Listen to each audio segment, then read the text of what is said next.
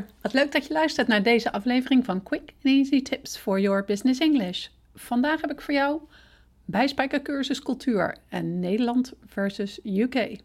Mijn naam is Anneke Drijver van Improve Your Business English en de auteur van het boek A Master Your Business English: Communicate with Power in 7 Simple Steps.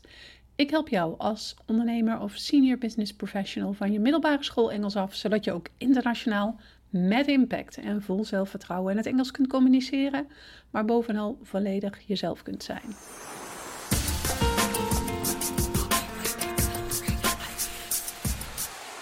Yes, het kan eindelijk weer op zakenreis. Reizen voor de zaak heeft de afgelopen twee jaar natuurlijk op een laag pitje gestaan door you know what. Maar gelukkig is het de laatste tijd alweer een stuk gebruikelijker.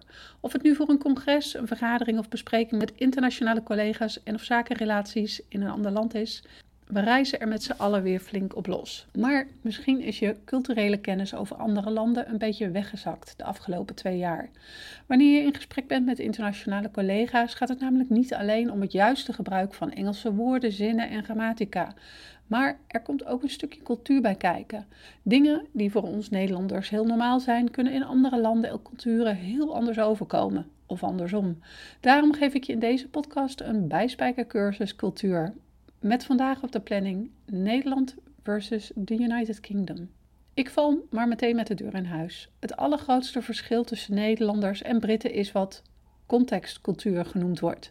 In Nederland hebben we een lage contextcultuur. Dat wil zeggen dat onze communicatie direct en expliciet is. Oftewel, wat er gezegd wordt, wordt er ook bedoeld en andersom. In het Verenigd Koninkrijk is er juist sprake van een hoge contextcultuur. Dit houdt in dat de communicatie juist impliciet is. Vergis je niet, want dit kan tot de grootste misverstanden leiden wanneer je staat te kletsen, maar al helemaal bij het zaken doen. Hoe dit komt? Nederlanders vertalen hetgeen wat ze willen zeggen meestal letterlijk. Is iets heel interessant, dan is het very interesting. Wil je er als Nederlander nog eens over nadenken, dan wordt er vaak gezegd: let me think about it.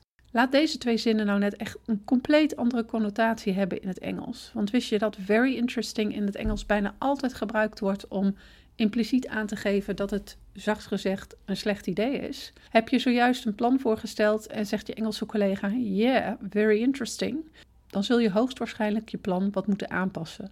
Hetzelfde geldt voor de zin let me think about it or I hear what you say.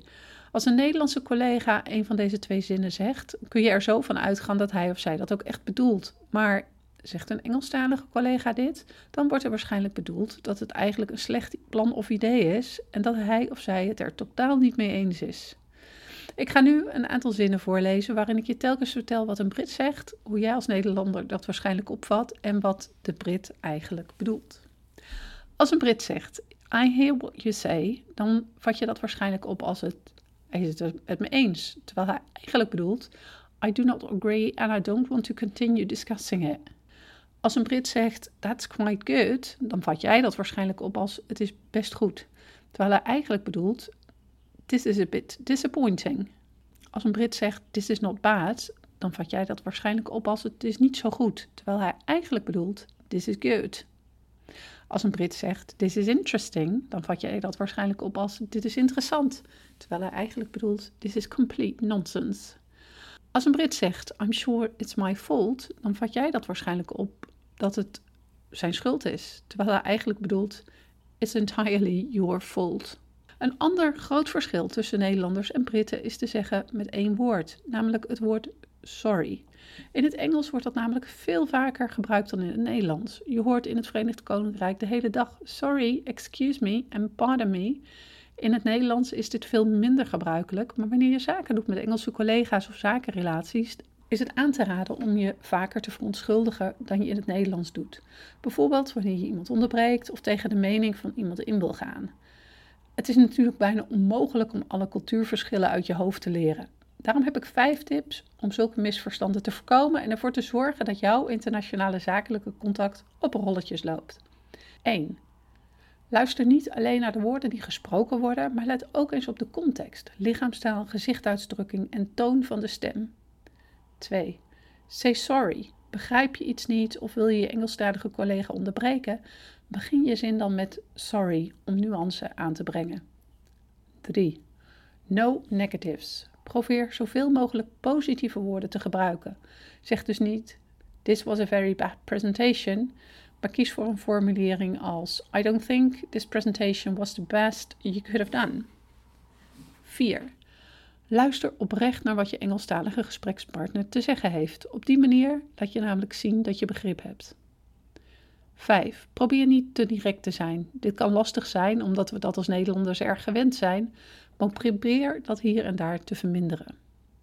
Met deze vijf tips zorg je ervoor dat je naast de juiste Engelse woordenschat, zinsbouw en grammatica ook de cultuurverschillen tussen Nederland en het Verenigd Koninkrijk op een juiste manier kunt handelen. Zo kom je professioneler over en zorg je dat je een betere band opbouwt met je internationale collega's en zakenrelaties. Als je deze aflevering hebt geluisterd, zou ik het enorm op prijs stellen als je een review voor ons zou willen schrijven op SoundCloud of iTunes of een beoordeling voor ons zou willen achterlaten op YouTube. Een reactie van jou helpt anderen weer om onze podcast te kunnen vinden en daarmee hun Engels te verbeteren. See you next time met quick and easy tips for your business English.